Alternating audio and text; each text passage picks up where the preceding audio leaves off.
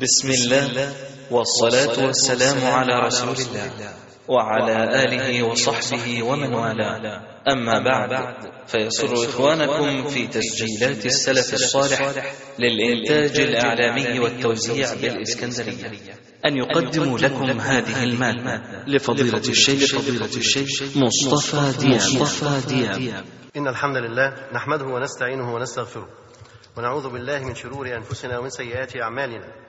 من يهديه الله فلا مضل له ومن يضلل فلا هادي له. وأشهد أن لا إله إلا الله وحده لا شريك له وأشهد أن محمدا عبده ورسوله صلى الله عليه وسلم.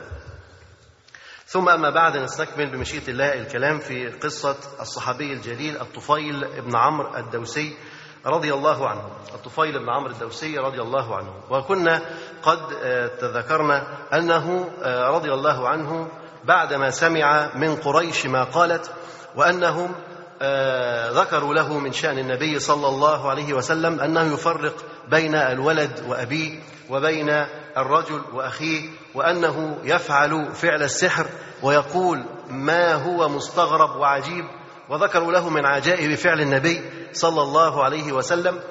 الرجل أخذ قرارا أن يدخل الكعبة وأن يتم عمرته وأن يضع قطنا في أذنه وكانت العمرة أيام الجاهلية أنهم يطوفون بالكعبة وهم عراة أو وهم يطوفون حول الأصنام ويسجدون لها.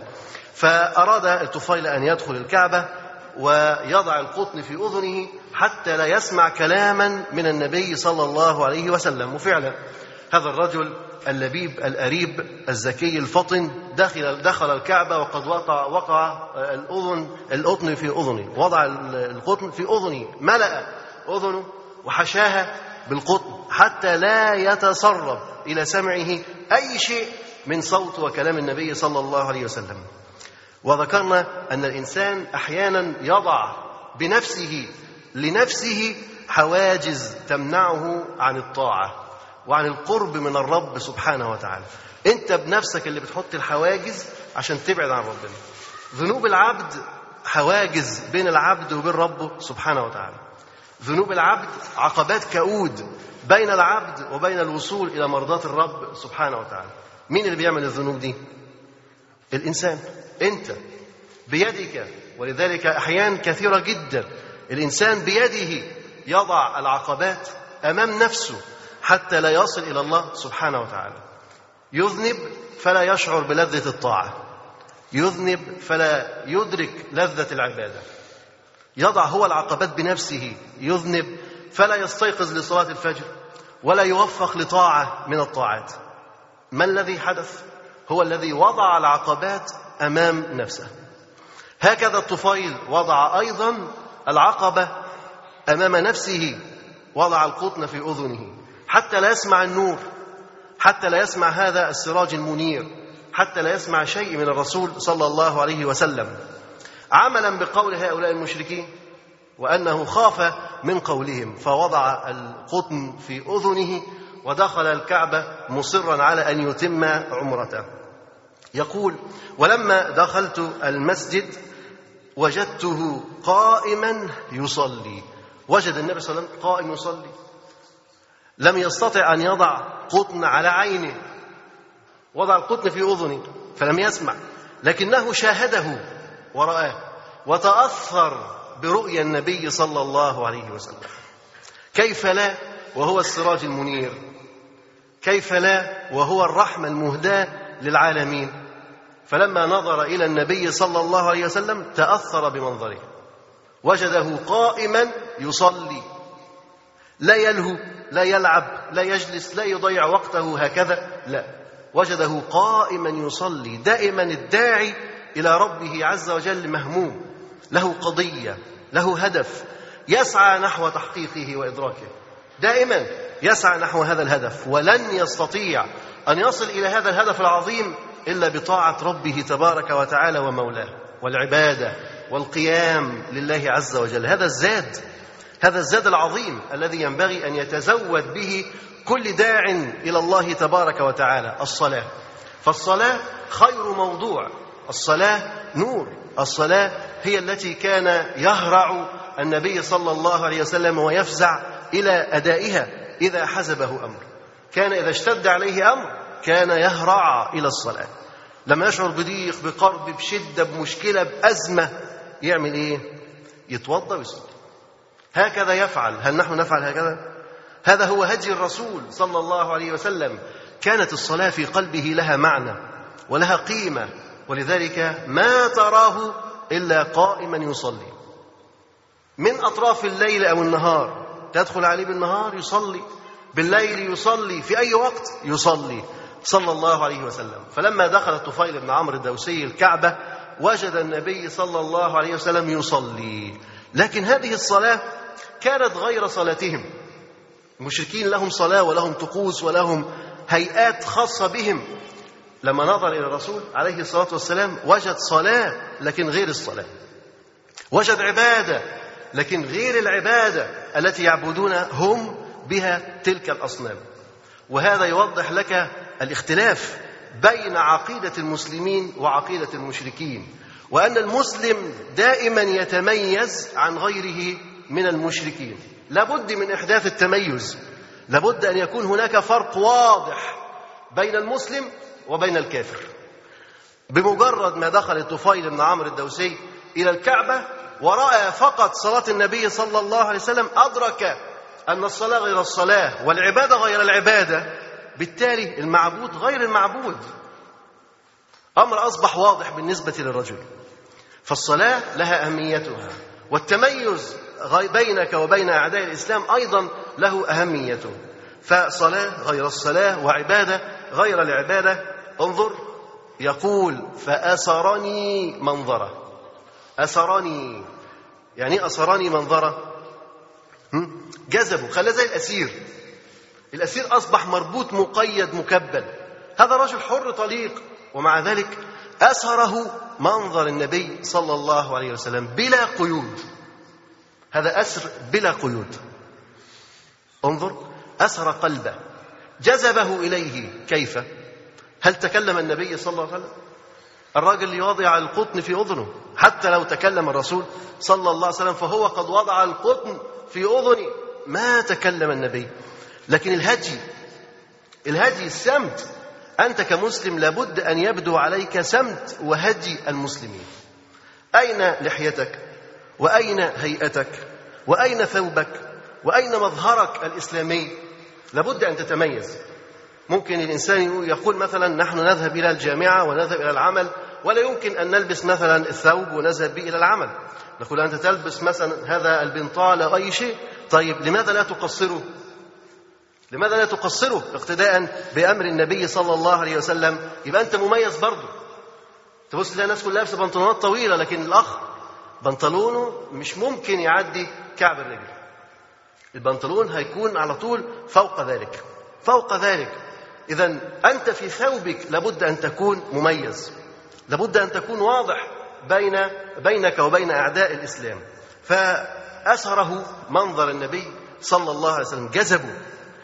اثر قلبه. يقول وهزتني عبادته. عبادة قوية مع إنها صلاة. حتى تدرك قيمة الصلاة وعظمة الصلاة. ولكن ليست أي صلاة. عندما تكون الصلاة خاشعة عندما تكون الصلاة صادقة عندما تكون لله عز وجل هذه الصلاة فعلا تكون آمرة بالمعروف ناهية عن المنكر. هذه الصلاة تهز من يراها. تهزه هزا. يقول وهزتني عبادته.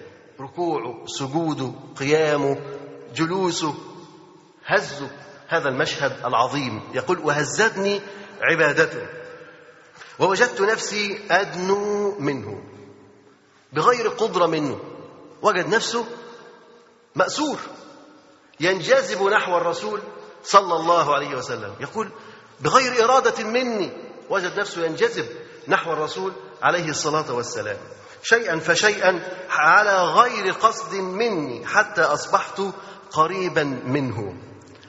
ماذا كان يريد الطفيل؟ كان يريد البعد عن النبي صلى الله عليه وسلم. أراد ألا يسمع النبي صلى الله عليه وسلم. وتلك إرادة الطفيل. ولكن ماذا أراد ربنا عز وجل؟ ماذا أراد؟ أراد له أن يدنو أن يقترب أن ينظر أن يتأثر أن يتغير أن يسمع. وتلك إرادة الرب. العبد تكون له إرادات يريد ما يريد لكن إرادة ربنا عز وجل غالبة. والله عز وجل يقضي بحكمة وربنا عز وجل يقول إن كل شيء خلقناه بقدر كل شيء بحكمة. الله عز وجل لم يخلق هذا الكون عبثا. مش ممكن تلاقي حاجة مخلوقة بلا قيمة أو بلا لازمة أو بلا منفعة. لا يمكن. تعالى الله عن ذلك علوا كبيرا. بل كل شيء مخلوق في هذا الكون من خير أو شر هو بقدر بحكمة بحكمة خلقها الله سبحانه وتعالى. وذكرنا المعاني العظيمة في قول الله عز وجل الله لطيف بعباده وذكرنا أن الله عز وجل أحيان كثيرة جدا. يرى أن هذا العبد لو أنعم عليه بنعم كثيرة وفتح عليه الدنيا سوف تبعده الدنيا عن طريق الله سبحانه وتعالى. المال الجاه السلطان يبعده ذلك عن طريق الله. فيحجبه عنه. يحجب عنه المال.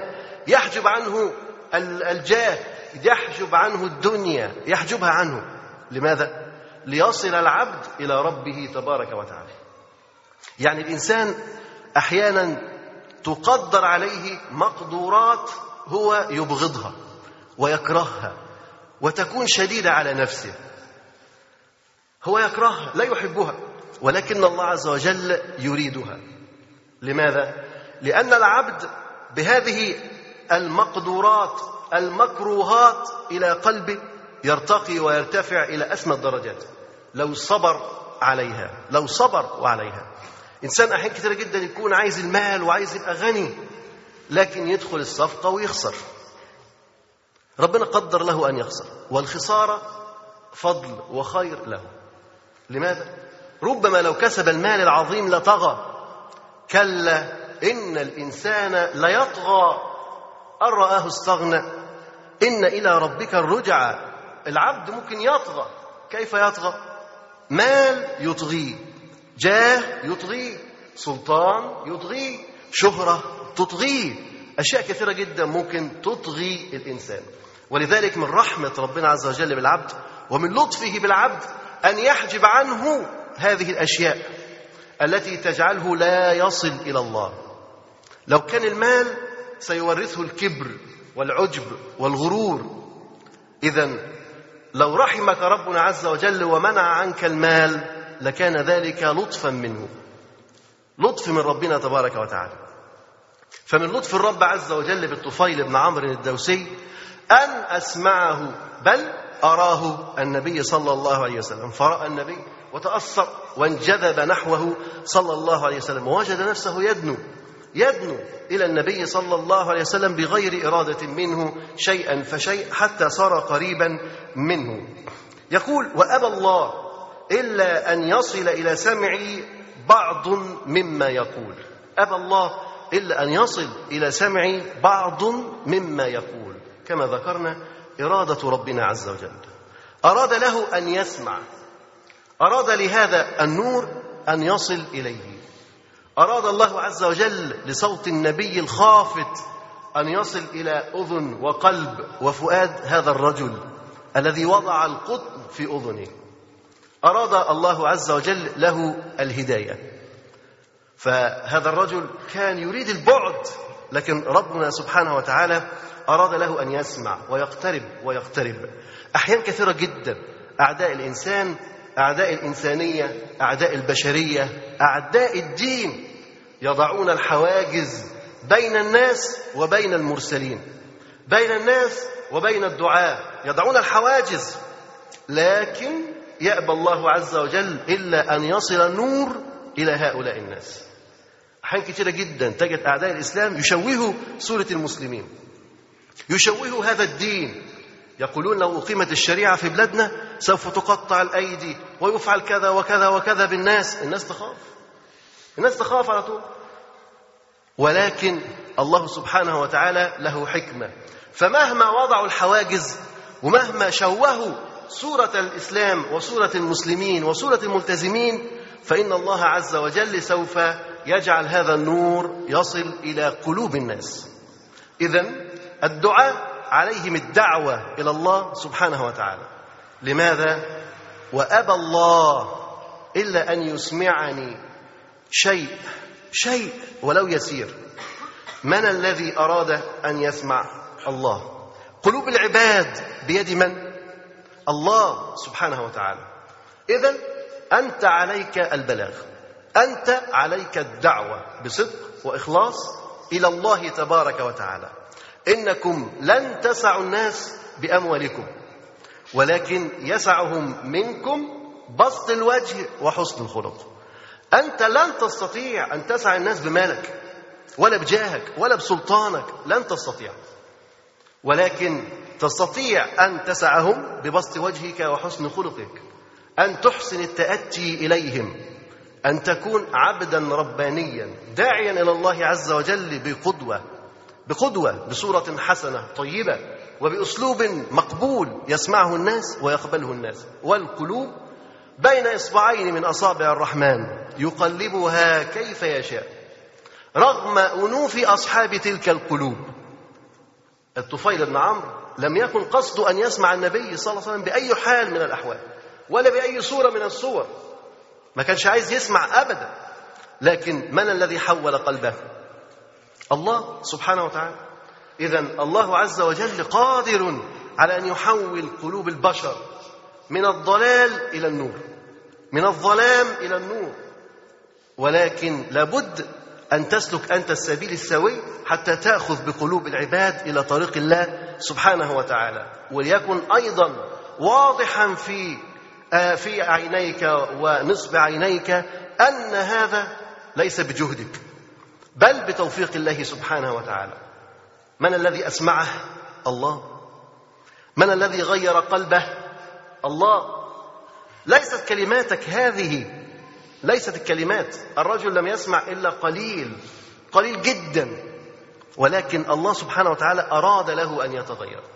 ولهذا الداعي إلى الله عز وجل لا يظن في يوم من الأيام أنه بخبرته وإمكانياته وسبقه وشرفه في هذه الدعوة بمجرد ما يتكلم الناس تهتدي والناس تلتزم والناس تدخل في دين الله ليس الأمر كذلك. ليس الأمر كذلك. وإنما الأمر على الإخلاص. فإن كنت مخلصا فعلا في حبك للنبي صلى الله عليه وسلم وفي حبك لهذا الدين فبمجرد كلماتك اليسيرة سوف ينجذب الناس لدين الله تبارك وتعالى. يقول وأبى الله إلا أن يصل إلى سمعي بعض مما يقول فسمعت كلاما حسنا. وقلت في نفسي لما سمع سمع كلام جميل جدا. فقال في نفسه ثكلتك أمك يا طفيل بيدعي على نفسه يعني. ثكلتك أمك يا طفيل. إنك لرجل لبيب شاعر وما يخفى عليك الحسن من القبيح. فما يمنعك أن تسمع من الرجل ما يقول؟ هذا الرجل شاعر ولبيب ما هو عارف كده هو من الأول. هو لسه فاكرها دلوقتي؟ هو لسه فاكر دلوقتي إن هو شاعر ولبيب وفاهم؟ لكن تأثير الأعداء عليه تأثير أصدقاء السوء عليه كأنهم أذهبوا عقله تأثير كفار قريش عليه أخذوا يكلموه يكلموه يكلموه. كلام كالسحر. غير عقله رغم أن الراجل لبيب وبيفهم وذكي وكل حاجة لكن كلام أصدقاء السوء وكلام قرناء السوء أدى به أن ينسى أن له عقل يزن الأمور وأنه يمكنه أن يحكم على الرجل. إن كان صادقا أو كاذبا نسى كل هذا.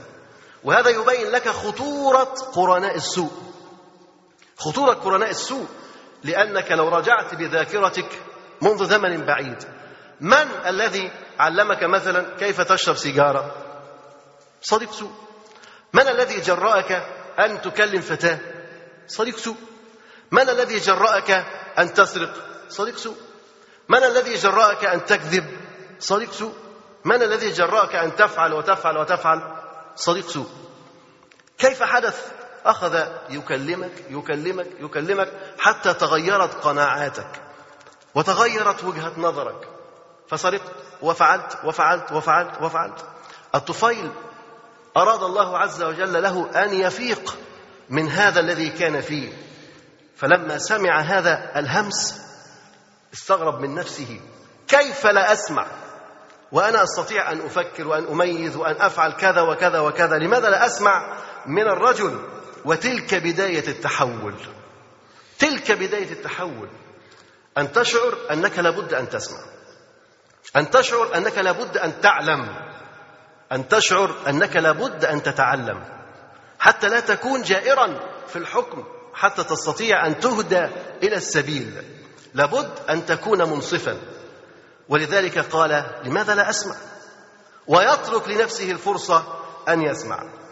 قال فإذا كان فإن كان الذي يأتي به حسنا قبلته. وإن كان قبيحا تركته. هو ده العدل والإنصاف. كان ينبغي أن يقول هذه العبارات منذ البداية. بيقول أسمعه. لو كان الكلام مقبول أقبله. لو كان الكلام حسن أقبله. لو كان الكلام قبيح هعمل فيه إيه؟ أرفضه وأرده هذا كان ينبغي عليه أن يتكلم به من أول وهلة. لكن حدث ما حدث وأراد الله عز وجل له أن يفيق في هذه اللحظة وعاد إلى رشده فقال لماذا لا أسمع؟ أسمع. هذا عدل وإنصاف والعدل والإنصاف سبب للفوز والفلاح. الإنسان لو كان فعلا عادل ومنصف فإن هذا من أسباب الفوز والفلاح. في كل قضايا حياتك لو كنت عادل فيها ومنصف فيها يعني تقول أنا كنت مخطئ. تقدر تقول أنا كنت مخطئ؟ ولا صعب عليك؟ أحيان كتير تبقى صعبة مش كده؟ أحيان كتيرة تبقى صعبة على الناس إن يقول أنا كنت مخطئ. ده إنصاف. إنك تقول فلان فعلا عنده حق وأنا ظلمته. أنا كنت مخطئ. مش كده؟ كان عمر بن الخطاب يقول يا رسول الله أنا أنا جهلت عليه أنا أخطأ أنا فعلت كذا يعني أنا أنا اللي غلطان أنا المخطئ. ومع ذلك النبي عليه الصلاة يعني كان يتغير ويتألم لما يؤذي الصديق رضي الله عنه. المهم أن الإنسان هل يجد في نفسه القوة والشجاعة والإنصاف أن يقول عن نفسه أنه مخطئ؟ هذا ما ينبغي أن نتعلمه وأن نتدرب عليه حتى نفوز ويكون لنا الفلاح في الدنيا والآخرة. فقال فإن كان الذي يأتي به حسنا قبلته وإن كان قبيحا تركته. قال الطفيل ثم مكثت حتى انصرف رسول الله صلى الله عليه وسلم إلى بيته فتبعته حتى إذا دخل داره دخلت عليه.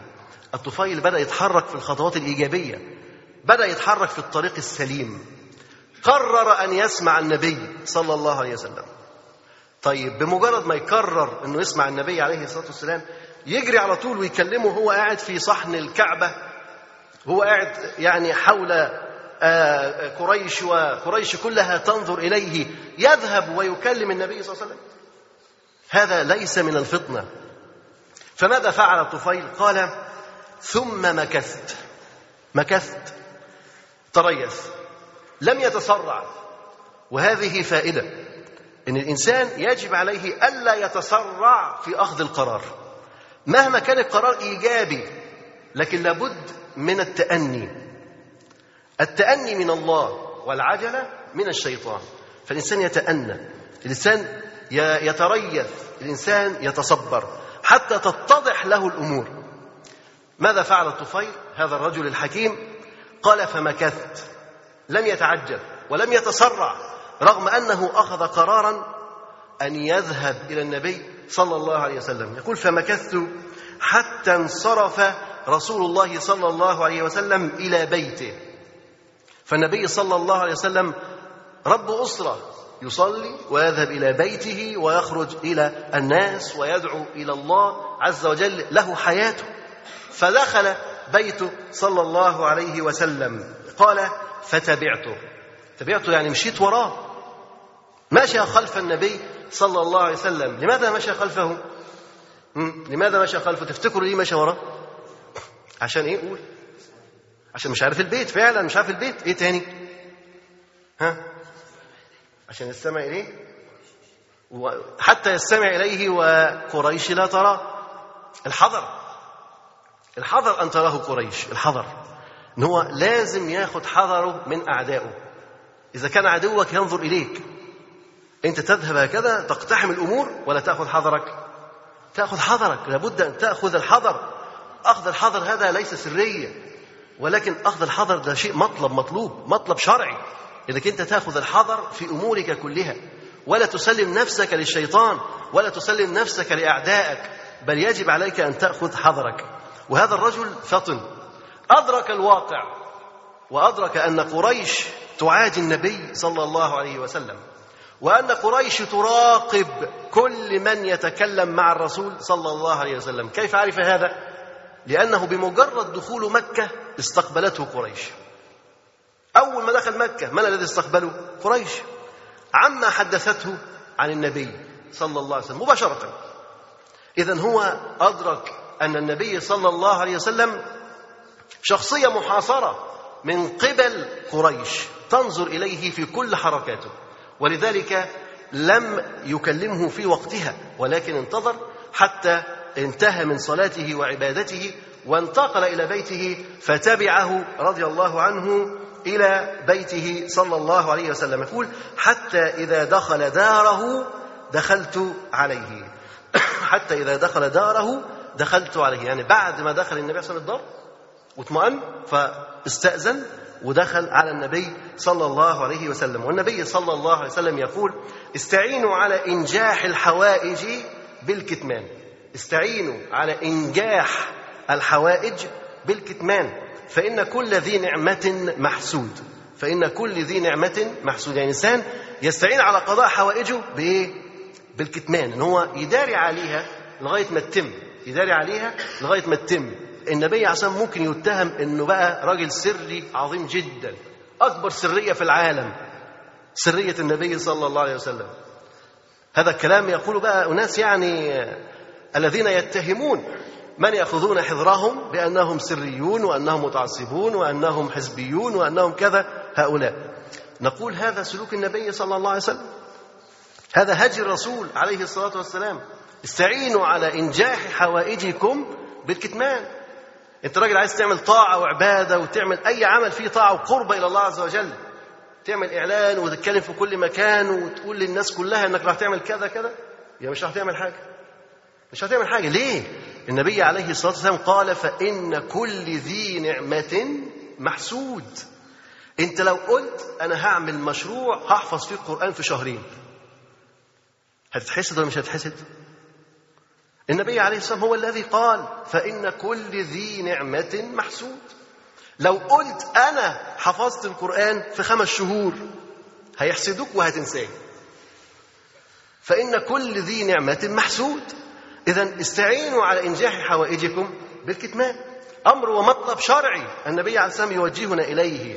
وهذا سلوك وحياة لابد أن نحيا بها كما كان يحيا النبي صلى الله عليه وسلم. يقول حتى إذا دخل داره دخلت عليه. بعد ما دخل هو دخل إيه؟ دخل وراءه رضي الله عنه. فقلت يا محمد بدأ حواره مع الرسول صلى الله عليه وسلم. فقلت يا محمد إن قومك قد قالوا لي عنك كذا وكذا. يعني حكى له اللي قريش قالته كله قالوا قريش قالت إنك أنت بتفرق بين الولد وابنه وإنك أنت بتحرم الزنا وبتحرم الخمرة وبتقول اعبدوا إله واحد. يعني نقل له كل ما تقوله قريش وكل ما تتحدث به قريش من اتهامات إلى النبي صلى الله عليه وسلم. فوالله ما برحوا يخوفونني من أمرك حتى سددت أذني بقطن. كان صريح جدا وما اتكسفش. قال لدرجة إن أنا من كتر اللي قالوه حطيت القطن في أذني وضعت القطن في أذني. ثم أبى الله إلا أن يسمعني شيئا منه. إلا إنه إيه؟ أبى الله إلا أن يسمعني شيء منه.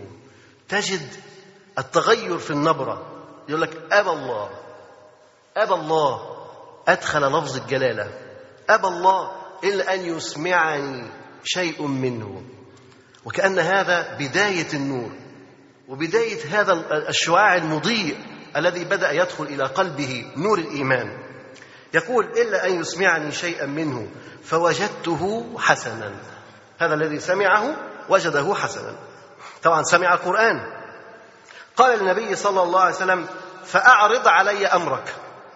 أعرض علي أمرك. يعني أنا سمعت الكلام اللي أنت كنت بتقوله وكلام جميل. قل لي أنت بتدعو إلى إيه؟ ما هي دعوتك؟ ما هو دينك؟ ماذا تقول؟ خلاص هذا الرجل فاق عاد إلى رشده لم يعد يعطي أذنه لأعداء الإسلام فقط ولكنه أراد أن يسمع من المسلمين أنفسهم أراد أن يسمع من النبي صلى الله عليه وسلم بنفسه يقولون عنك كذا وكذا فمن أنت؟ وماذا تقول؟ هذا عدل وإنصاف. يقولون كذا وكذا. فمن أنت؟ نبي أم غير ذلك؟ وماذا تقول؟ اعرض علي دينك ودعوتك. النبي صلى الله عليه وسلم لم يتعرض لكل ما قالته قريش. لم يقل له إنهم كذابين مجرمين كفرة. وهم كفرة وكذابين ومجرمين وأفاكين. ولكن القضية أعظم من ذلك. القضية أعظم. رجل أتى إليك يقول قريش قالت لي كذا كذا عنك فمن أنت وماذا تقول؟ علمني دينك. تتكلم في قريش وتسب قريش؟ ولا تسيبك من قريش؟ سيبك من قريش وما تقول قريش. وادخل في عرض مذهبك ودينك وعقيدتك حتى يتعلم الرجل. انتهز الفرصة. لعلها لا تأتي مرة ثانية.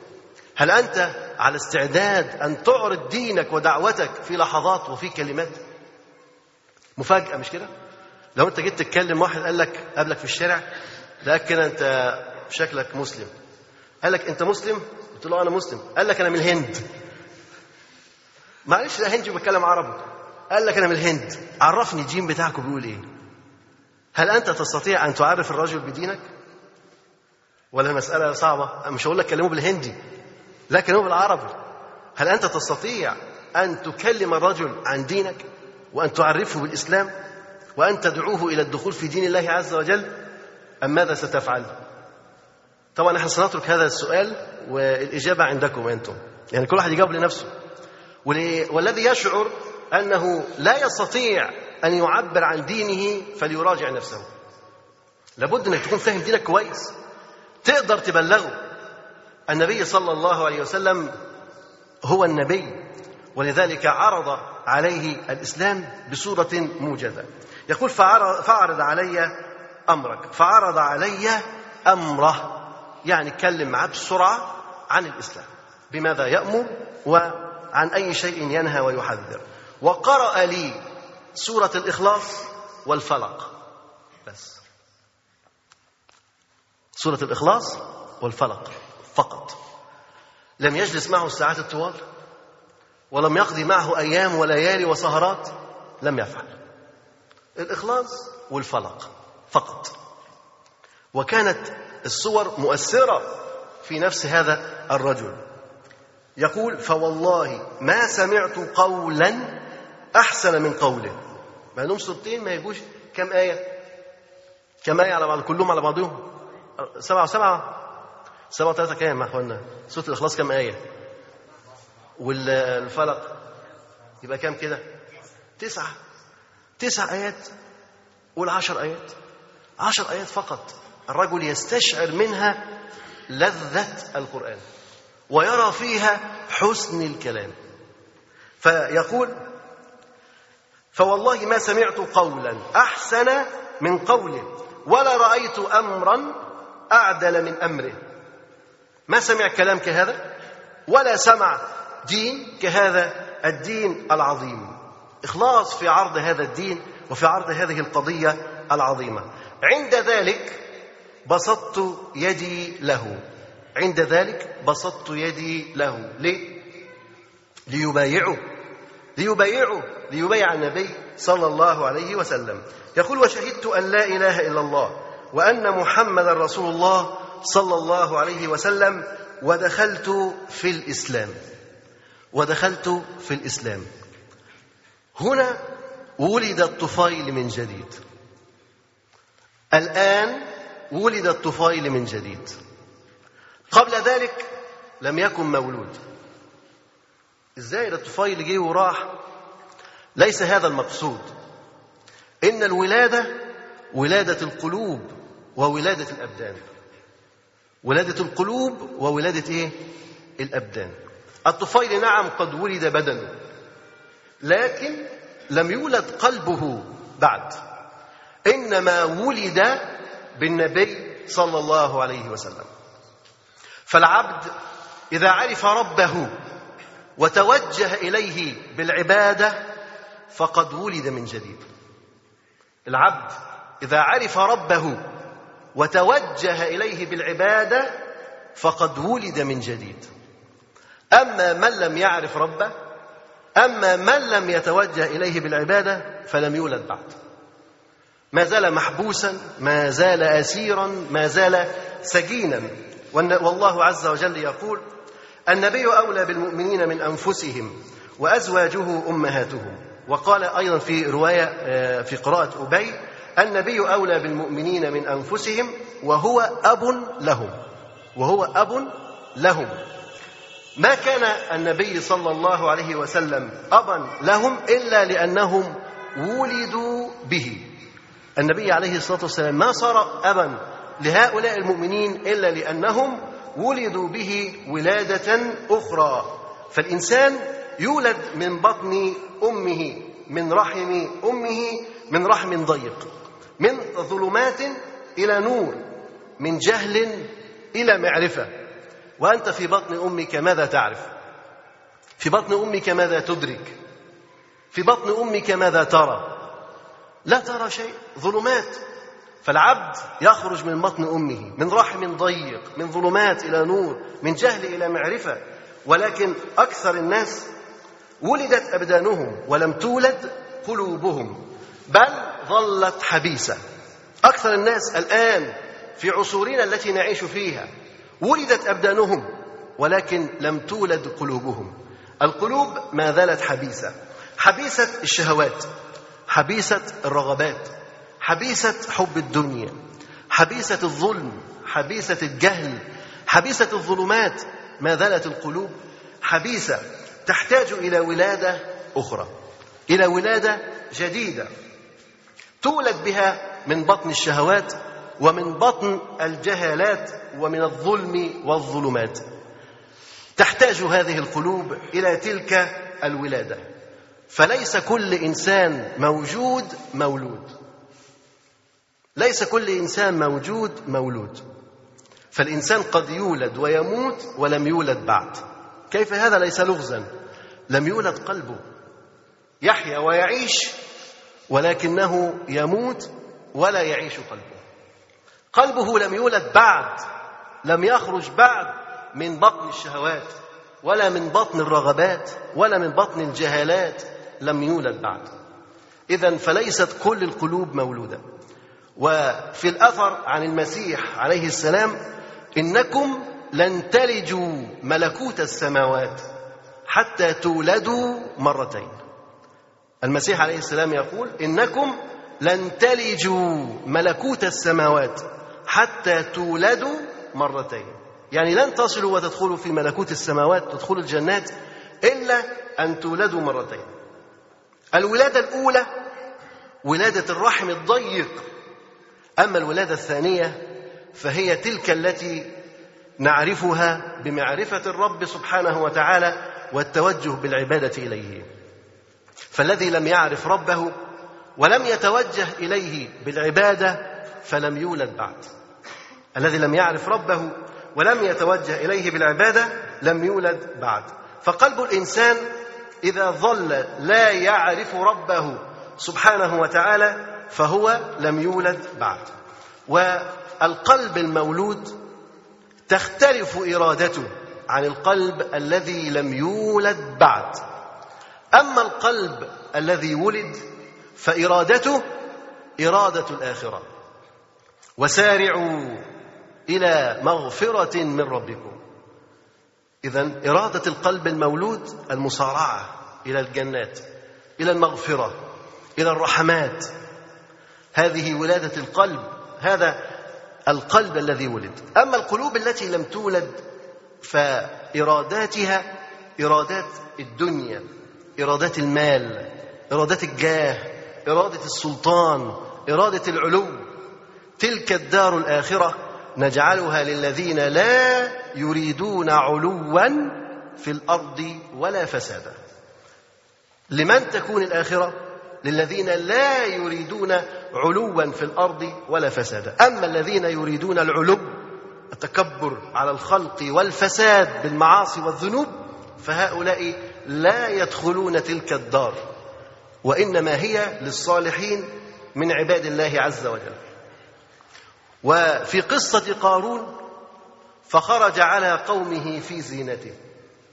لما خرج على قومه في زينته انقسم الناس كل حسب همته وإرادته.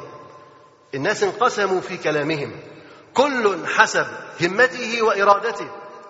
قال الذين يريدون الحياة الدنيا يا ليت لنا مثل ما أوتي قارون. إنه لذو حظ عظيم. مال جاه سلطان دنيا كنوز. هذه إرادة من يريدون الدنيا. هذه إرادة تلك القلوب التي لم تولد بعد الدنيا. أما القلوب التي ولدت قال الذين أوتوا العلم ويلكم ثواب الله خير. ثواب الله طاعة العبادة التي يوفقك الله عز وجل لها خير من هذا. الأجر والثواب عند الله عز وجل في الآخرة خير من هذا المال المفقود الذي يزول عما قريب. تلك إرادة الآخرة. هذا يريد مثل ما أوتي قارون وهؤلاء يقولون ويلكم ثواب الله خير لمن آمن. فرق كبير بين القلب الذي ولد والقلب الذي لم يولد. القلب الذي ولد يريد الآخرة. يريد وجه الله عز وجل. يريد مرضاة الرب سبحانه وتعالى أن يرضى عنه ربه سبحانه وتعالى. أما القلب الذي لم يولد فإراداته محدودة. إراداته مهما علت فهي دنيئة حقيرة قليلة. لا ترتقي. يريد الدنيا. والدنيا بأسرها لا تزن عند الله جناح بعوضة. إذا ماذا ورث؟ ماذا أخذ؟ لم يأخذ شيء. هذه إرادة أهل الدنيا. هذه إرادة القلوب التي لم تولد بعد. إذا القلوب لها إرادات. من ولد قلبه تتوجه إراداته نحو الآخرة نحو ما عند الله تبارك وتعالى. هذه القلوب كيف تولد؟ بما تولد؟ تولد بالنبي صلى الله عليه وسلم. بالنبي صلى الله عليه وسلم بهذا النور الذي أرسله الله عز وجل وأنزله مع رسوله صلى الله عليه وسلم.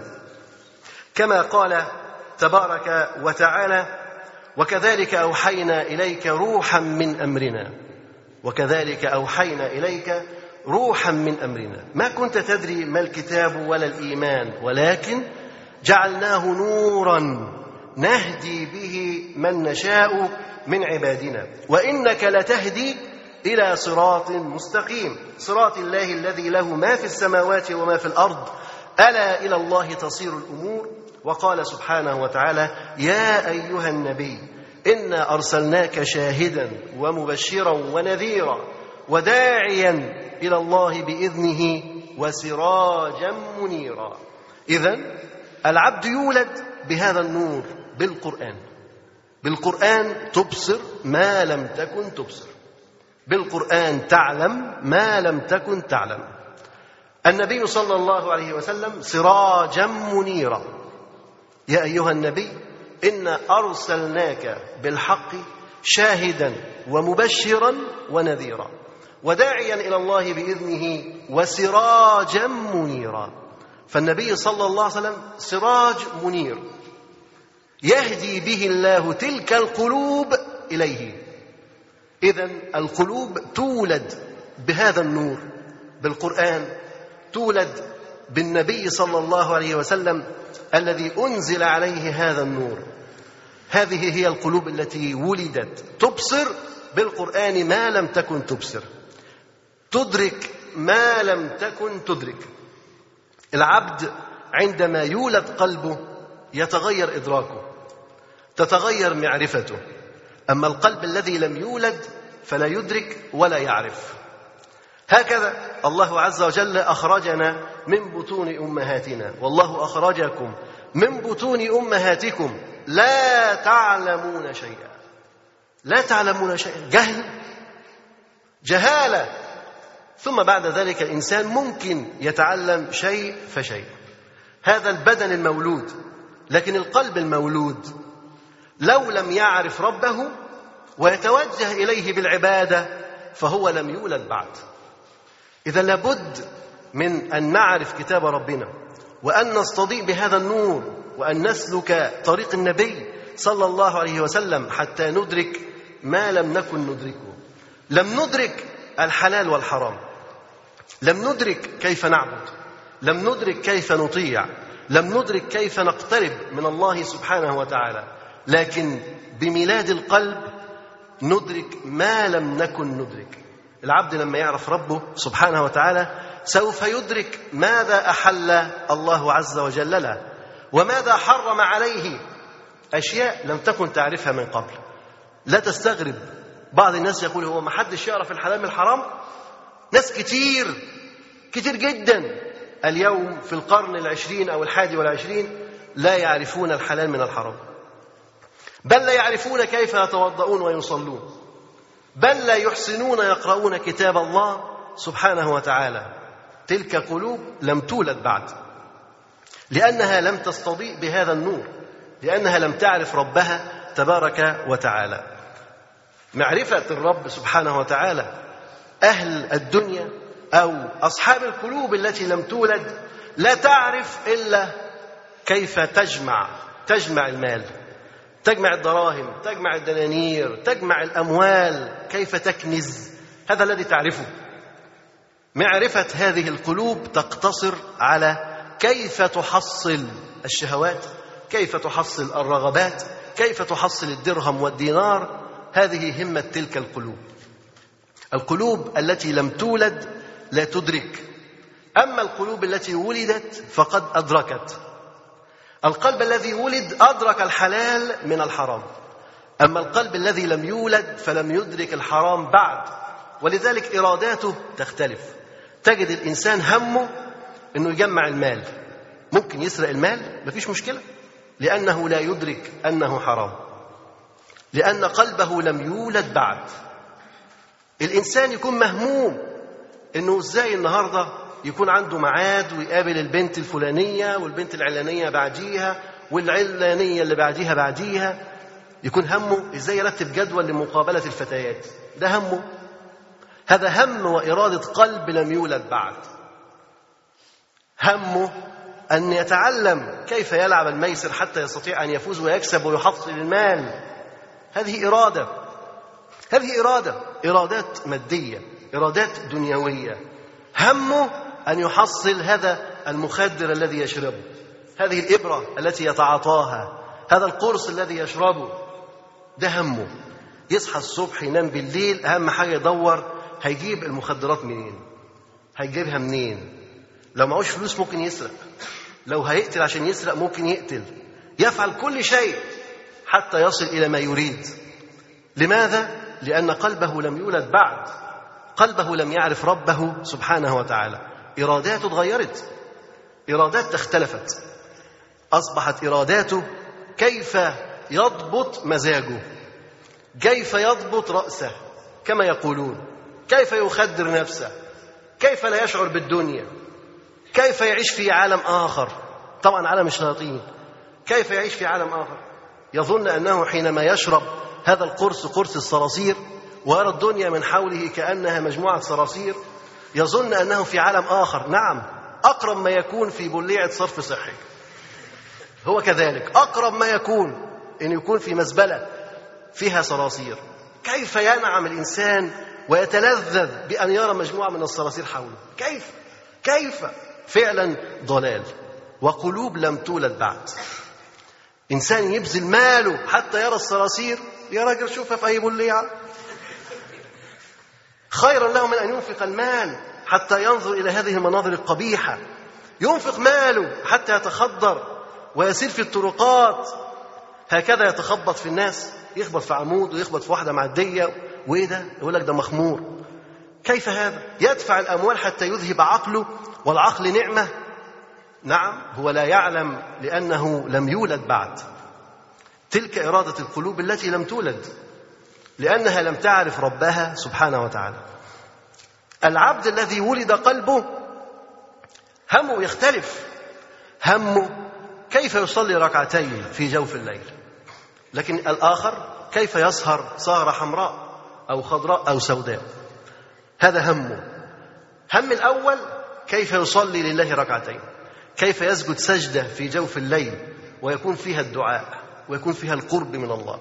كيف يرفع يده إلى السماء؟ كيف يسأل ربه عز وجل؟ إرادة. إرادة. هذا يرفع يده ليسرق والثاني يرفع يده ليدعو ويبتهل ويقترب من ربه تبارك وتعالى. هذا يسجد للشيطان وهذا يسجد للرحمن. تختلف الإرادات. تختلف الإرادات. ولذلك الذي ولد قلبه يجد أما من لم يولد قلبه فلا يجد شيئا. كيف؟ الذي ولد قلبه يجد حلاوة كل شيء. يجد حلاوة الطاعة. يجد حلاوة العبادة. واحد قام صلى الفجر. يحس بلذة. ما يقدرش يحكيها ما يقدرش يوصفها. والذي لم يقم لم يشعر بشيء. الذي نام عن قيام الليل لم يشعر بشيء ولم يجد شيء. لكن الذي قام وجد أم لا؟ وجد. وجد راحة وجد لذة وجد شيء يعجز عن وصفه. الذي صام وجد أم لم يجد؟ وجد. وجد. فرح أم لم يفرح؟ فرح. وللصائم فرحتان. وللصائم فرحتان فمن صام فرح. أما من لم يصم فلم يفرح. هذا من كان يريد إرادة الله تبارك وتعالى. هذا حج فمن حج ولم يرفث عاد كيوم ولدته أمه. الحج ممكن تحج ترجع كيوم ولدتك أمك. ولدت من جديد. بماذا ولدت؟ بالطاعة. بالطاعة يولد العبد من جديد. بالقرآن يولد العبد من جديد. واحد يقول لك أنا عايز قلبي يتولد من جديد. إزاي؟ بالطاعة. بالطاعة كلما كنت لله أطوع ولدت من جديد. ممكن نكونوا في قاعدين دلوقتي وقلوبنا لم تولد بعد. ممكن بعضنا أو كلنا ممكن نكون قلوبنا لم تولد بعد أو ولدتها متعسرة ومحتاجة لعناية مركزة حتى نفيق ونستطيع أن نتماثل ونقف. قلوب ضعيفة هزيلة أهي لكن مولودة. لكن كيف تكون القلوب؟ قلوب قوية قلوب متينة قلوب ولدت ولادة صحيحة بمعرفتك لله سبحانه وتعالى. فالقلب الذي عرف والقلب الذي توجه لله عز وجل معبوده بالعبادة هو القلب الذي ولد على الحقيقة فبالطاعة تولد من جديد بالصيام بالقيام بذكر الله عز وجل الذي تصدق وجد وجد لذة الصدقة والإنفاق على الفقير والمسكين الذي لم يتصدق هل وجد شيء؟ هل شعر بشيء؟ لا يعيش في الدنيا هكذا كالأنعام الذي زار المقابر وتأثر واستحضر هؤلاء الموتى. كيف كانوا على وجه الأرض؟ منهم الملك منهم الوزير منهم كذا منهم الطائع منهم العابد منهم القائم منهم الساجد. والآن الكل في القبور. من زار وتدبر وتأثر عاد وتأثر وتغير قلبه. أما من لم يذهب ومن لم يؤدي هذه الطاعة هل يشعر بشيء؟ لا يشعر. أنت تزور المريض في المستشفى وتستحضر نعمة ربك عز وجل عليك. كيف أعطاك بصرا؟ كيف أعطاك يدين ورجلين ولسانا وشفتين وأذنين وعقل؟ كيف؟ أنت تزور المريض وتتأثر. ترجع وقلبك قد عرف. ترجع وقلبك قد ولد من جديد. والقلب يولد من جديد ويولد من جديد. وكلما دخلته الطاعة والعبادة قوية. فكما أن الإنسان الذي يولد يولد صغير يولد صغير في سنه وفي حجمه وفي وزنه ثم بعد ذلك يأكل ويرضع يرضع ويشرب ويأكل وبعدها ينمو ويكون إنسان كبير. كذلك القلب الذي ولد من جديد ينمو. ولكن كيف ينمو؟ وبماذا ينمو؟ ينمو بالطاعة. كلما غذيت القلب بطاعة الله سبحانه وتعالى يولد القلب من جديد. كلما أطعمته وسقيته من هذا النور النور الذي جعله الله عز وجل مع الرسول صلى الله عليه وسلم يولد القلب من جديد. ينمو ويكبر ويقوى من جديد. فالقلب الذي يبذل لله عز وجل قلب قد ولد من جديد. والدعوة إلى الله عز وجل من أقوى الأسباب التي تجعل القلب يولد من جديد. الدعوة إلى الله عز وجل تولد العبد انشراح الصدر مما يجعله يصبر على البلاء ويتحمل الأذى لأنه يعلم أنه لله وأنه في سبيل الله. ولهذا يقوى قلبه ويتحمل قلبه ويصير قادرا على تحمل المشاق وظلم الخلق وأذية الخلق له. يدعو إلى الله عز وجل. فالداعي إلى الله من أصدق القائمين بالعمل. من أفضل القائمين بالعمل. ومن أصدق قولا. مم ومن أحسن قولا. ممن دعا إلى الله وعمل صالحا وقال إنني من المسلمين. اذا لا تجد أحسن من قول الداعي إلى الله تبارك وتعالى. الذي يدعو إلى الله. لماذا؟ لأنه يدعو إلى ولادة جديدة. يدعو هذه القلوب التي ما زالت في بطن الشهوات يدعوها إلى الولادة الجديدة. إلى أن تخرج من بطن الشهوات من بطن الظلمات من بطن الجهالات إلى النور إلى الهدى إلى الإيمان. وبالذنوب نعود من جديد إلى بطن الشهوات. بالذنوب نعود من جديد إلى هذا الرحم الضيق إلى الرحم فيه الظلم والظلمات. بالذنوب والمعاصي نعود من جديد إلى هذا المكان الذي كنا فيه كأسرى. لا نستطيع أن نفعل شيء. منا من هو مأسور لشهوة. اثرته شهوته. اثرته رغبته. اثره ماله. اثره حب الشهوة والزعامة والرياسة. اثره أصبح أسير. منا الأسير للدرهم والدينار. منا الأسير للثوب الذي يلبسه. منا الأسير للشهوة التي يفعلها. منا الأسير للسيجارة التي يدخنها. عبد السيجاره عبد لها أسير. بالذنوب نرجع من جديد إلى هذا الرحم الضيق إلى هذا الرحم المظلم. وبالتوبة وبالعودة إلى الله عز وجل نولد أيضا من جديد. هل يولد الإنسان من جديد مرتين أو أكثر من مرتين؟ يولد.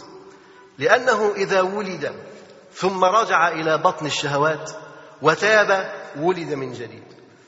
فإذا وقع في المعاصي والذنوب عاد إلى بطن الشهوات ثم يولد من جديد.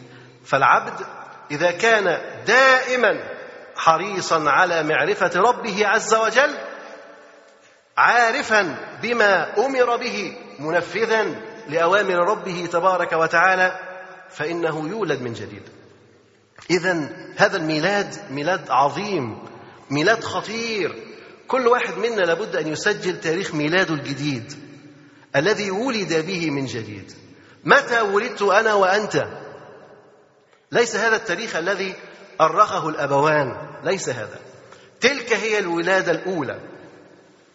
هذه هي الولادة الأولى. من هذا الرحم الضيق. هذه هي ولادة الأبدان. لكن متى ولدت القلوب؟ هذا هو ما نحتاج أن نؤرخه. فإن كثيرا من الناس يموتون ولم تولد قلوبهم بعد.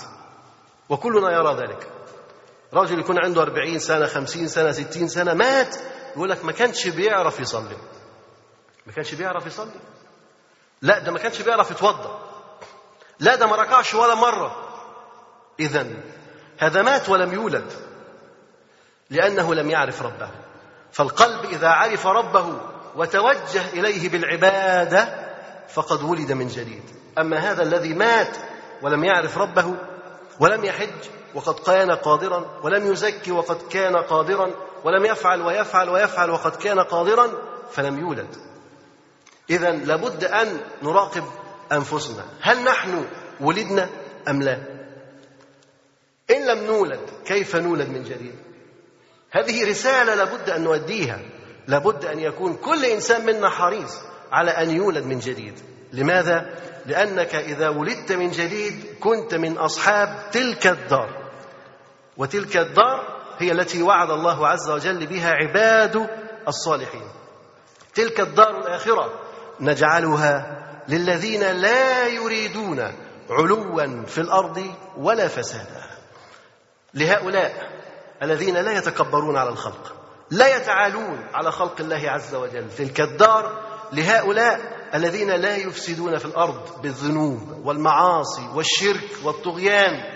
تلك الدار لهؤلاء الذين ولدوا بالله بنور الله عز وجل بهذا الكتاب الذي أرسله الله عز وجل. نور نور. وكتاب عظيم والنبي صلى الله عليه وسلم سراجا منيرا. به تولد القلوب كما ذكرنا. اذا فالعبد لابد أن يكون نظره دائما متوجه إلى ربه عز وجل حريصا على أن يولد من جديد. وإذا وقع في الذنب إذا وقع في المعصية إذا أخذته الشياطين لابد أن يعود سريعا إلى ربه تبارك وتعالى. لابد أن يخرج بسرعة من بطن الشهوات. هل نحن خرجنا من بطن الشهوات؟ أم ما زلنا أسرى لشهواتنا ورغباتنا ولذاتنا؟ هل نحن فعلنا وتركنا معاصينا وتركنا ذنوبنا؟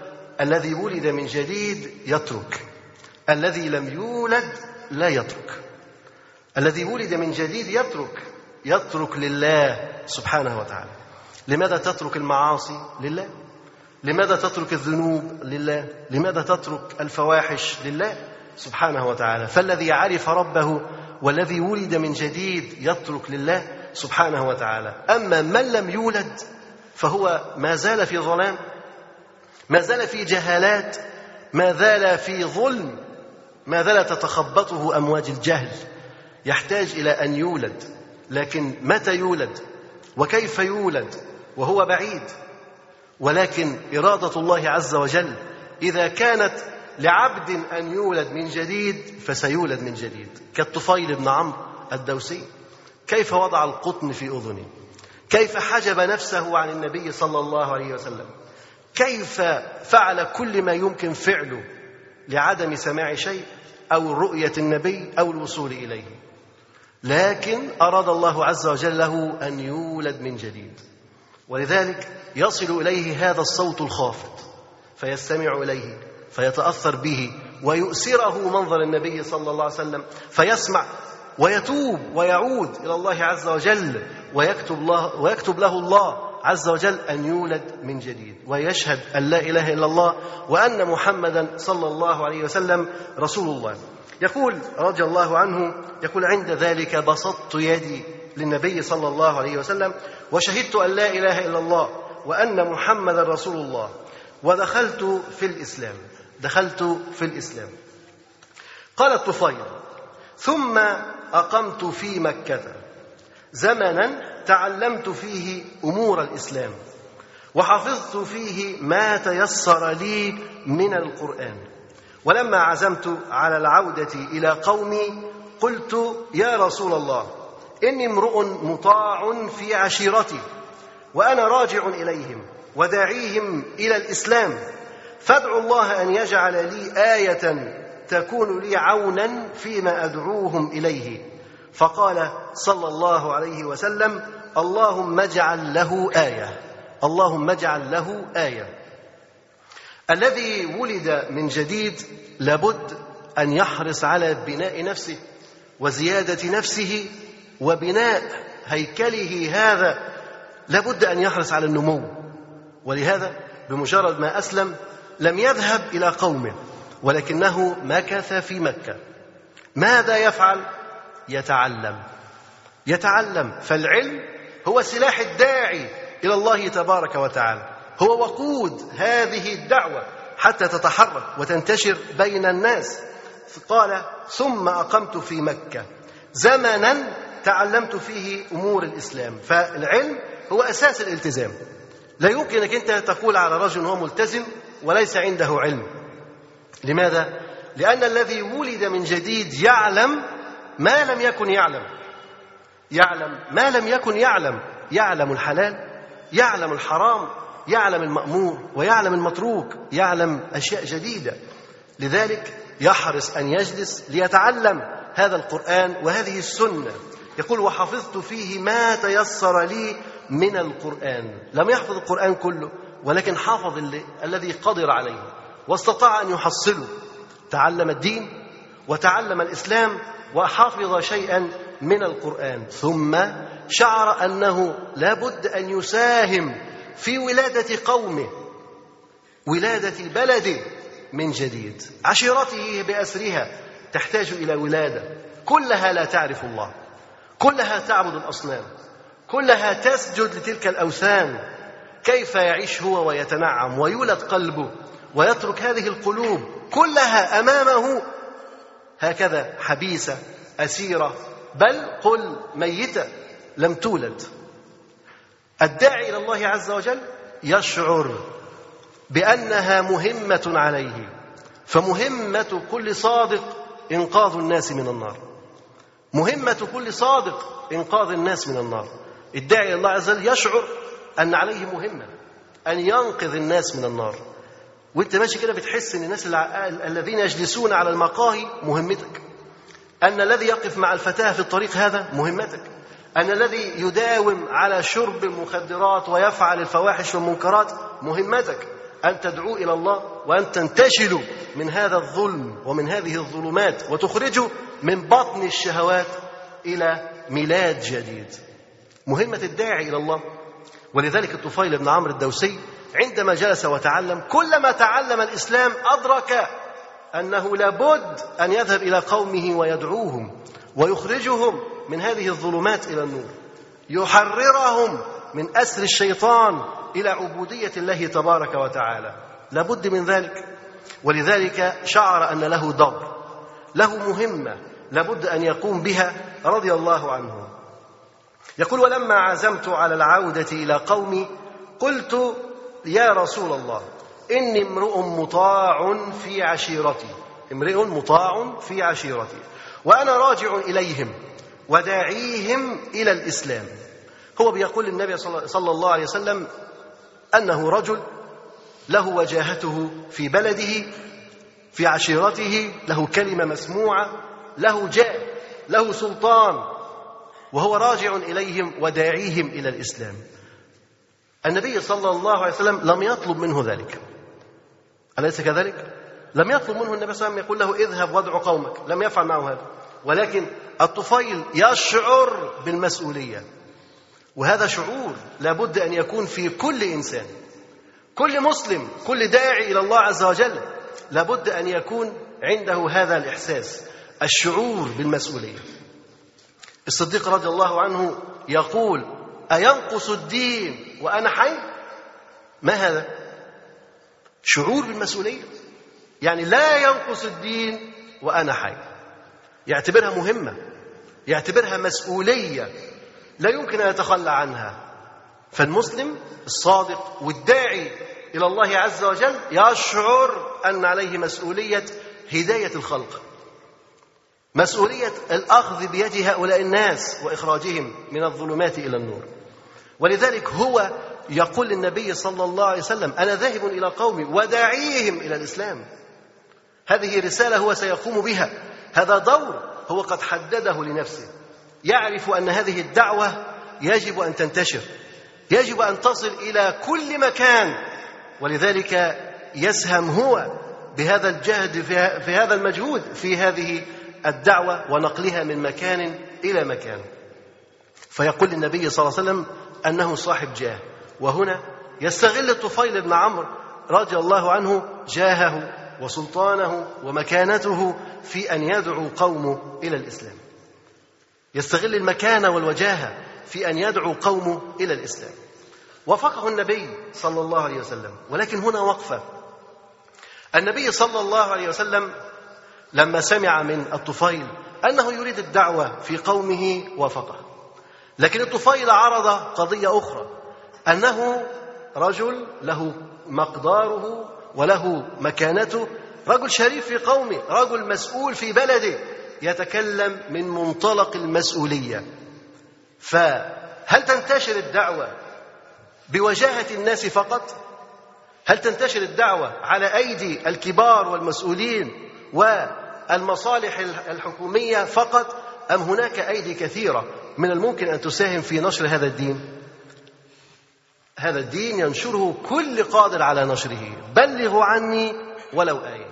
هذا الدين ليس مسؤولية وزارة. لا نقول وزارة الأوقاف مسؤولة عن نشر الدين. لا. افرض قصرت وزارة الأوقاف. افرض وقفت العمل لدين الله عز وجل ماذا تفعل أنت؟ مسؤولية نشر الدين هذه مسؤولية كل مسلم ونلحظ هنا أن النبي صلى الله عليه وسلم يركز على قضية الدعوة إلى الله عز وجل ولم يأمره بأن يصطدم بقومه ولا أن يواجه قومه بل يدعوهم إلى الله سبحانه وتعالى بالحسنى ويتلطف معهم ويترفق معهم في الحديث وفي القول لماذا؟ لأن هذه الدعوة إنما تنتشر بالحسنى تنتشر بالقول الطيب اللين تنتشر بالقدوة الصالحة السليمة المستقيمة.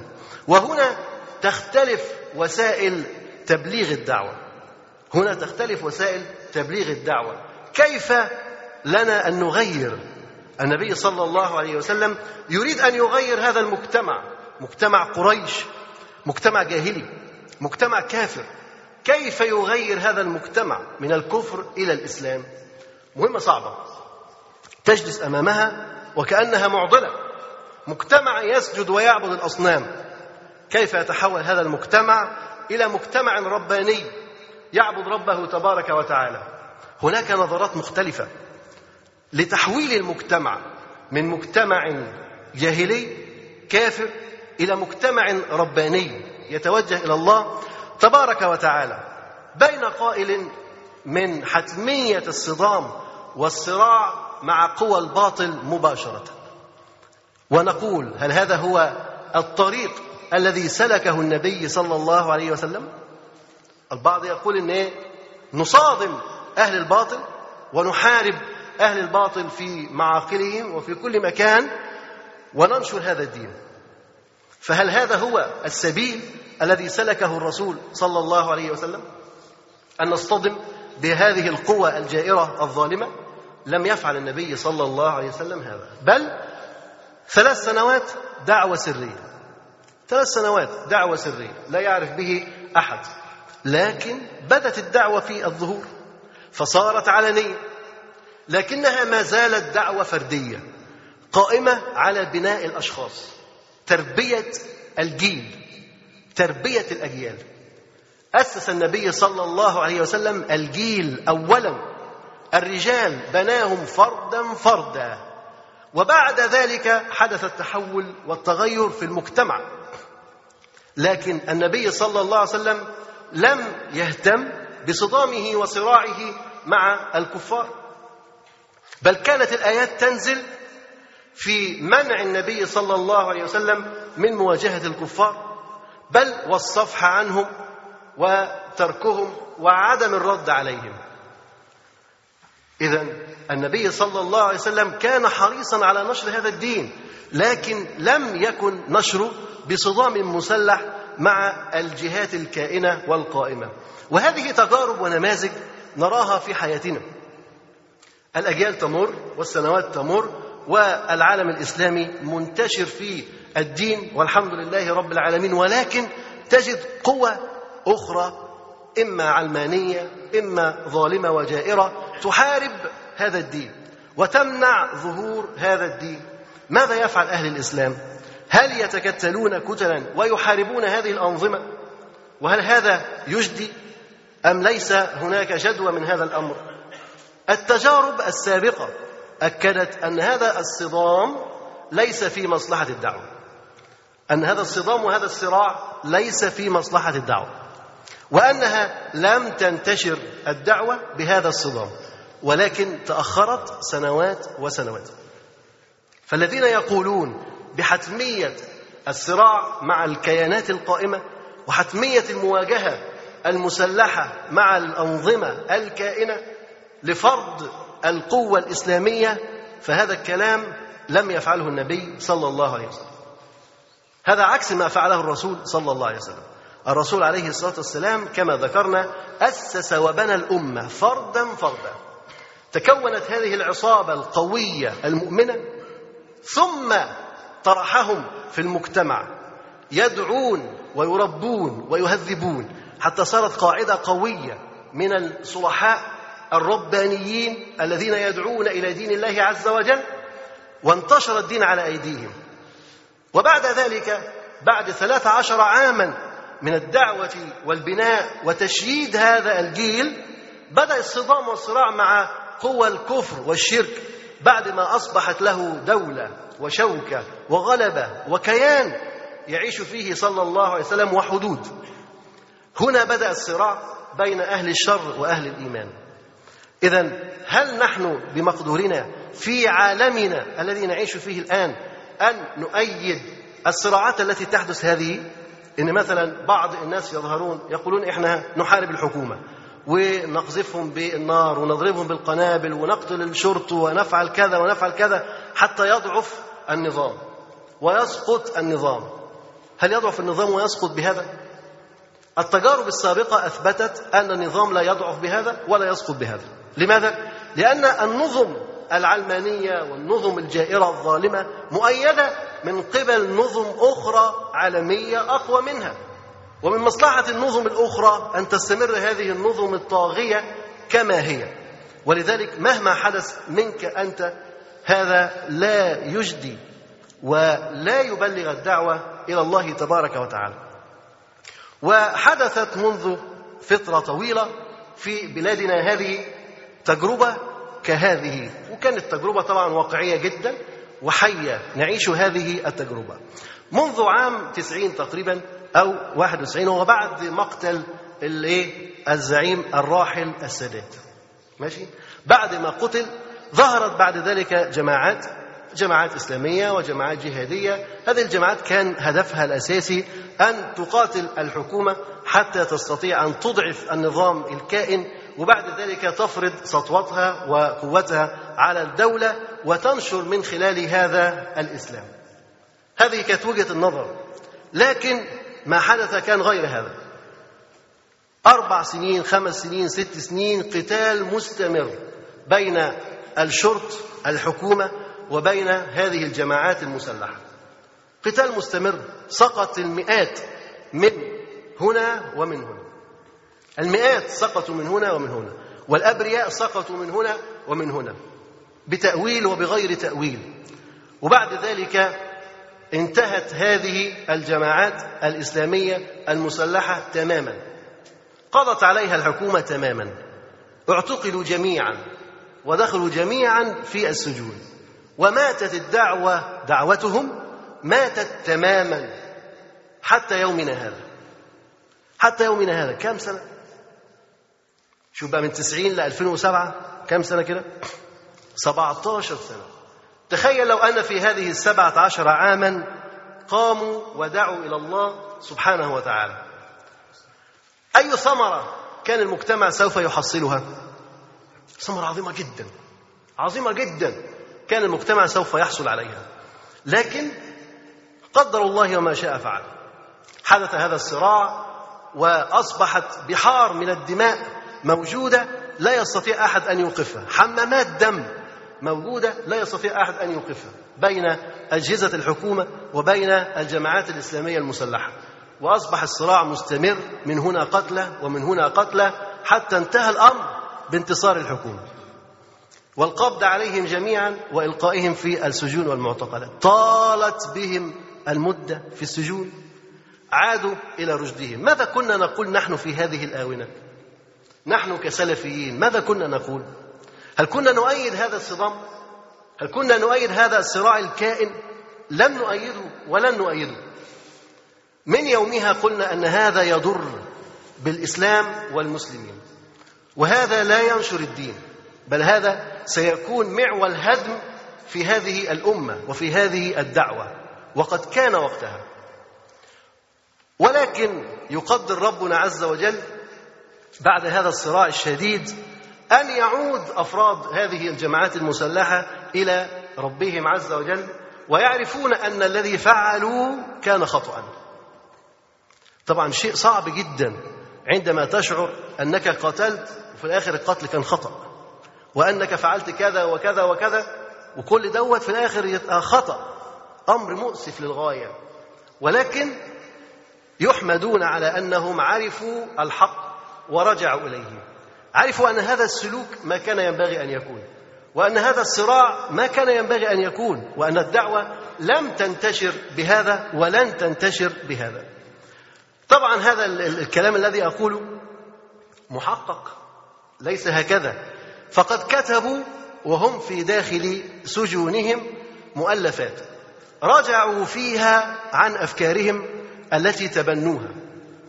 وعن هذه السياسة التي اعتمدوها وأكدوا فيها أن الدعوة إلى الله عز وجل هو السبيل الأمثل الذي كان ينبغي أن يسلكوه وأنهم يندمون على هذا ندما عظيما.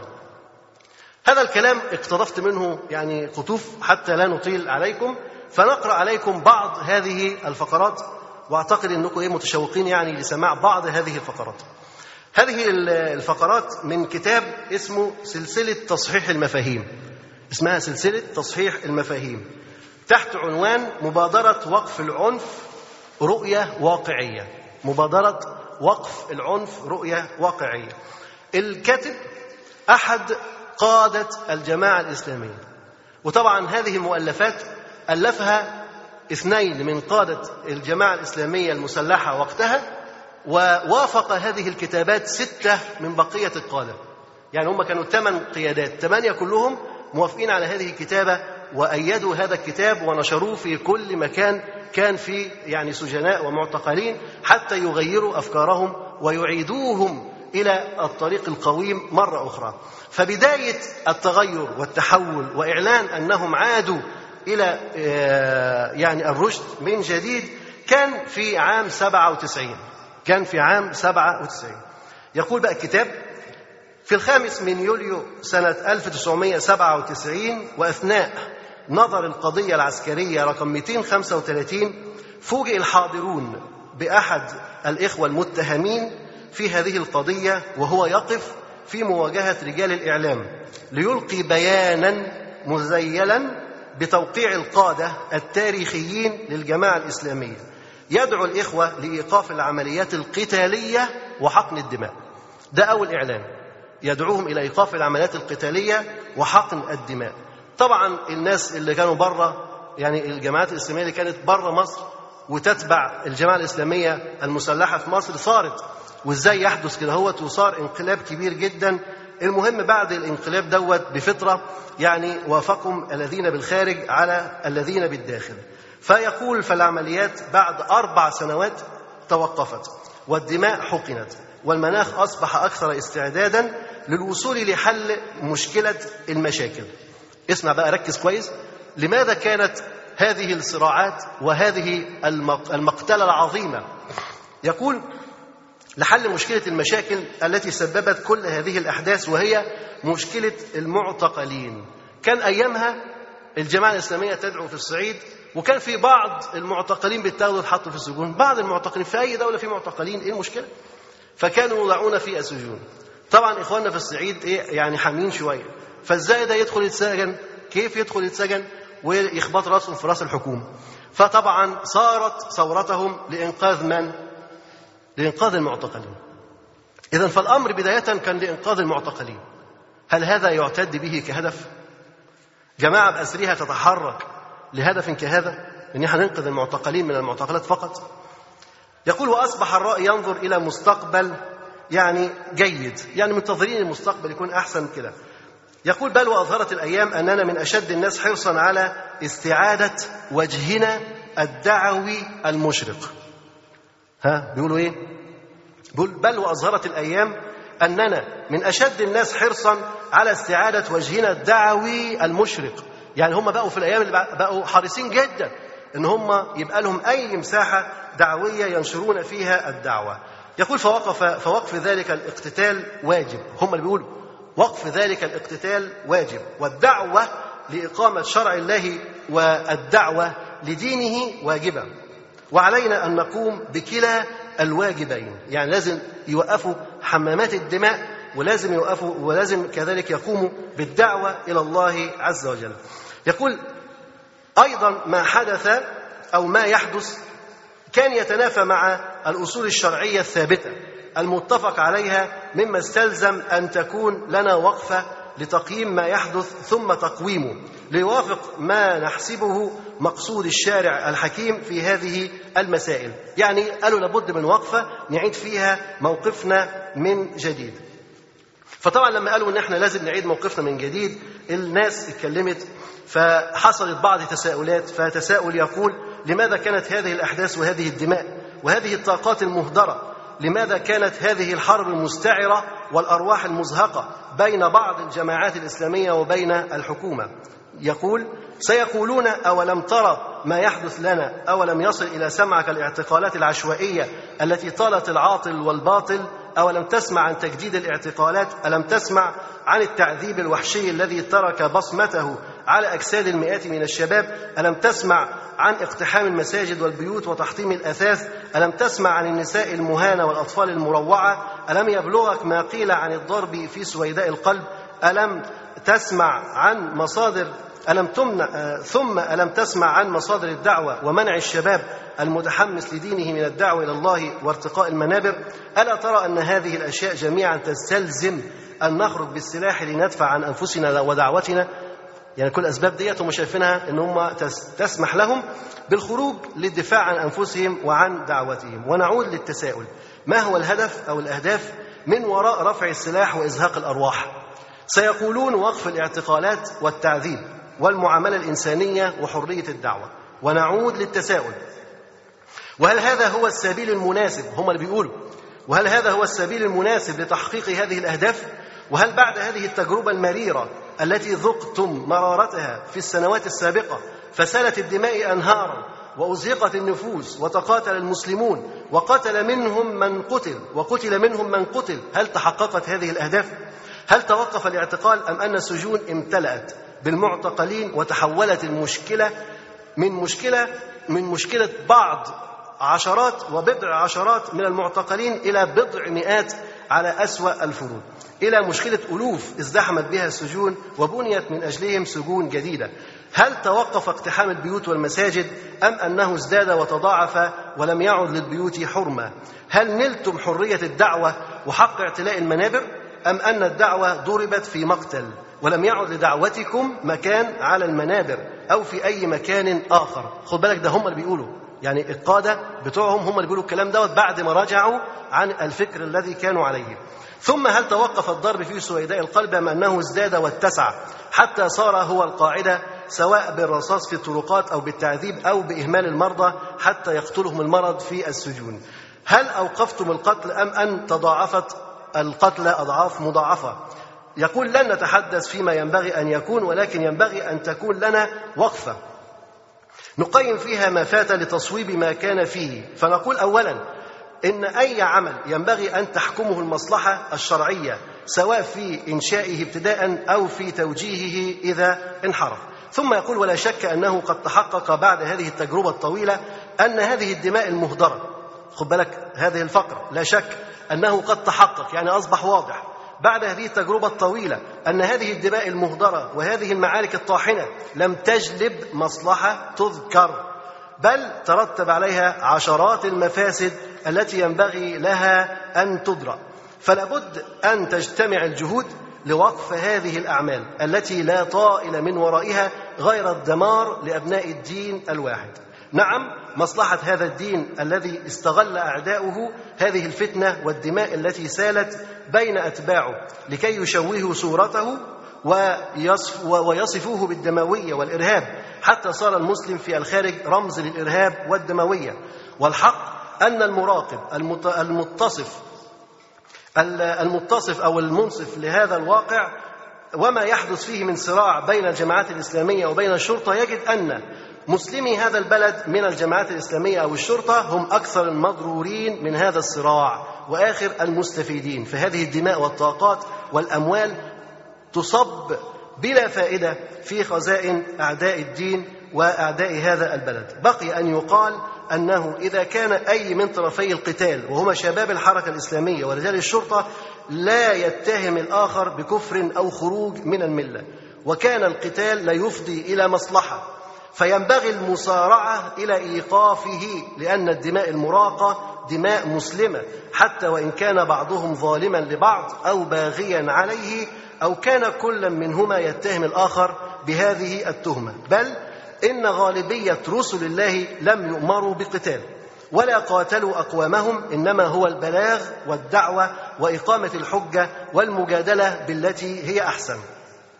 ويقول روى ابن إسحاق بسنده مرفوعا أن النبي صلى الله عليه وسلم قال لإسلام رجل واحد أحب إلي من قتل ألف كافر.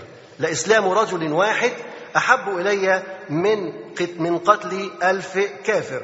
يعني النبي صلى الله عليه وسلم يبين أن إسلام واحد وهداية واحد أفضل من قتل مئة أو ألف كافر. وهذا أيضا بيبينه موقف الرسول عليه الصلاة والسلام مع عمه لما احتضر أو حضر حضرته الوفاة فذهب إليه وقال له يا عمي قل لا إله إلا الله كلمة أحاج لك بها عند الله. فلم يقلها لكن تخيل له قالها ماذا كان ينتفع الإسلام بإسلام هذا الرجل؟ كان هيخدم الإسلام بإيه؟ ده خلاص ده هيقولها ويموت. لن نستفيد من إسلامه بشيء ولكن هو سينقذ من النار. هذا اليهودي الطفل الصغير عندما زاره النبي صلى الله عليه وسلم وقال له قل لا إله إلا الله. فنظر الصبي لأبيه فقال له الرجل أطع أبا القاسم. فهذا الغلام قال لا إله إلا الله ومات. فالنبي عليه السلام خرج مستبشرا يبتسم ويقول الحمد لله الذي أنقذه أنقذه بي من النار. إذا النبي عليه السلام يفرح لإنقاذ الناس من النار ودخولهم في دين الله تبارك وتعالى. وأيضا قيل لرسول الله صلى الله عليه وسلم هذا وحشي. طبعا عارفين وحشي هو الذي قتل من؟ حمزة رضي الله عنه. هذا وحشي فقال دعوه فلإسلام فلا إسلام رجل واحد أحب إلي من قتل ألف كافر. كان هذا الرجل يعني النبي صلى الله عليه وسلم يود أن يسلم أفضل من هو إيه؟ يقتله. يقول فيقول فإن كانت هذه فإن كانت كل من الدعوة والجهاد في في موطن ما يؤديان المطلوب من هداية الخلائق فلا شك أن الدعوة تقدم في هذا المدمار ويكتفى بها. يعني لك لو كان الدعوة والجهاد في موطن معين دول بيؤدوا إلى هداية الناس. طيب لو كانت الدعوة تؤدي لوحدها يتم ولا ما يتمش؟ يبقى يتم بالدعوة فقط. يقول فإن كانت كل من الدعوة والجهاد في موطن ما يؤديان إلى المطلوب من هداية الخلائق. فلا شك أن الدعوة تقدم في هذا المدمار ويكتفى بها. يقول فهداية الخلق خلاصة كلامه يقول فهداية الخلق إلى الحق هي الغاية الأسمى للدعاء إلى الله وهي أعظم غاية فالدعاء مهمتهم تحبيب الناس في ربهم وخالقهم وسوقهم إلى صراط الله المستقيم بأسهل وسيلة وأيسر سبيل. أما الحسب والجهاد فهما وسيلتان لتعبيد الناس لربهم. ولذا فإن هداية الخلائق مقدمة على الجهاد إذ أن الغاية مقدمة على الوسيلة. فإذا تعارضت الغاية مع الوسيلة قدمت الغاية. فالغايات والنظر إليها والعناية بها ورعايتها هي من فقه العلماء وبصيرة الأمة في الدين. وإنما شرع الجهاد في سبيل الله حتى لا تكون فتنة ويكون الدين كله لله. فهذا هو الهدف الأسمى للجهاد. فإذا أصبح الجهاد نفسه محدثا للفتنة في الدين ومانعا لتعبيد الناس لربهم وصادا للناس عن دعوة الحق وتخويفا للشباب من ثمرة دعوة نقية لم لم يحقق الجهاد ذلك المقصود الأسمى. وبذلك تكون هداية الخلائق وتعبيد الناس لربهم هي الأصل والجهاد فرع عليها. فإذا تضاد الأصل مع الفرع قدمنا الأصل على الفرع. ولا بد أن يعلم أو لا بد أن يعلم الجميع أن هداية الخلائق هي مصلحة في ذاتها. هداية الناس هي دي مصلحة. لو إن الناس أسلمت هي دي المصلحه التزموا بدين الله عز وجل فهي ديت المصلحة حتى لو لم يكن هناك أي مصلحة أخرى غير التزام الناس بدين الله عز وجل فهذه مصلحة. ده يعني مختصر لكثير من الكلام الذي يذكروه. فهذا هذه صورة من صور التغيير. فالبعض يرى إن تغيير المجتمع ممكن يكون إيه؟ بالصد والصراع كهذا لكن شفنا إن ما جابش نتيجة وهذه في النهاية اعترافات وتراجعات من قادوا هذا العمل. إذا المواجهة المسلحة مع الحكومات الكائنة لا لا تصلح في إقامة هذا الدين وهذه الدعوة.